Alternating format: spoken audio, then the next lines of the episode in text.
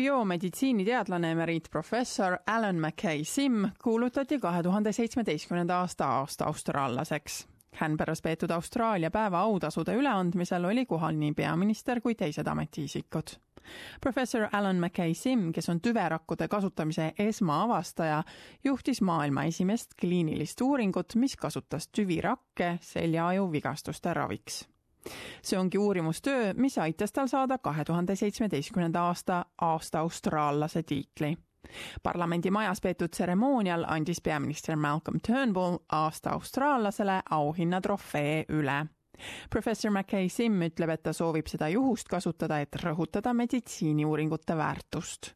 ta rõhutas ka, et kõige tähtsam on investeerida teadusega tegelevatesse noortesse inimestesse.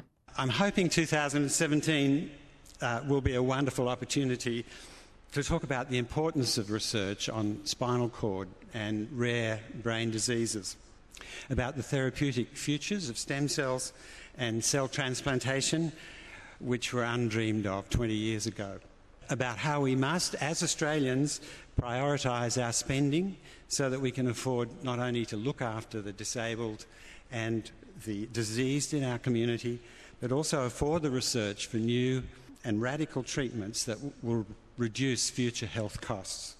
As a nation, we must be part of this, and we must invest in young scientists and give them great careers. Victoria osariigist Warrnamboolist pärit Vicky Celli on kahe tuhande seitsmeteistkümnenda aasta kohalik kangelane, kes juhtis oma abikaasa vähki suremise eel raha kogumiskampaaniat.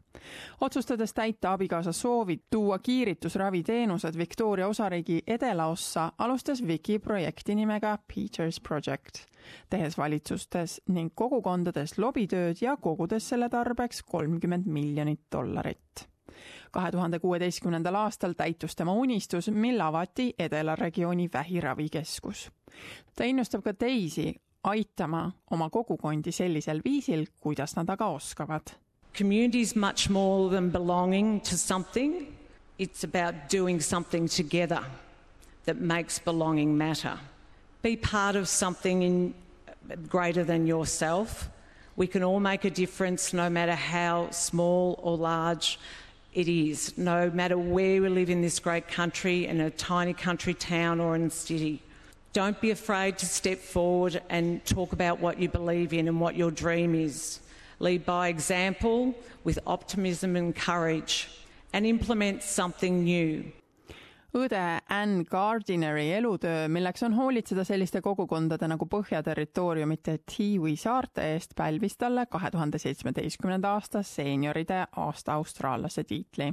see kaheksakümne viie aastane nunn on veetnud üle kuuekümne aasta, elades Tiwi rahvastega koos, seal töötades ning seal nende elustiili säilitada aidates võttes Tiivi rahva ning nende nimel, kes nende eest hoolitsenud on, auhinna vastu, ütles ta, et vaja on kõigi Austraalia rahvaste suuremat aktsepteerimist ning tunnustamist.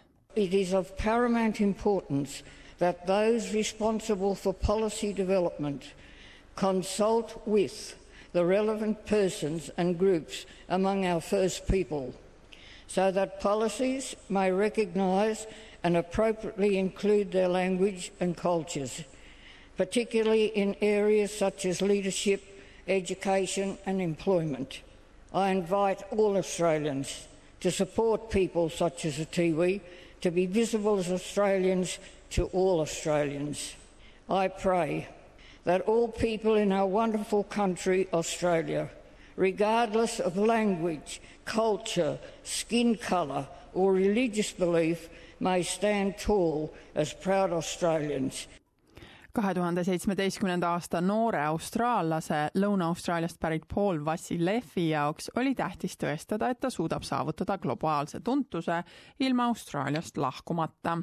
olles noorest peast olnud moest huvitatud, lõpetas Paul Milani moeakadeemia ning lõi siis Adelaide'is omaenda moefirma. ta ütleb, et ta loodab, et teised kohalikud firmad ning ettevõtted järgivad tema eeskuju.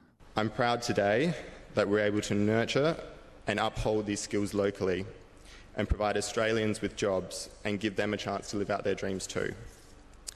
Australia's future is dependent on innovation and people to follow their dreams and skills. I've been lucky enough to, the, to be given the opportunity to live out my dream And my hope for Australia is that our young people can have the same opportunity and our local businesses are supported and given the chance to grow.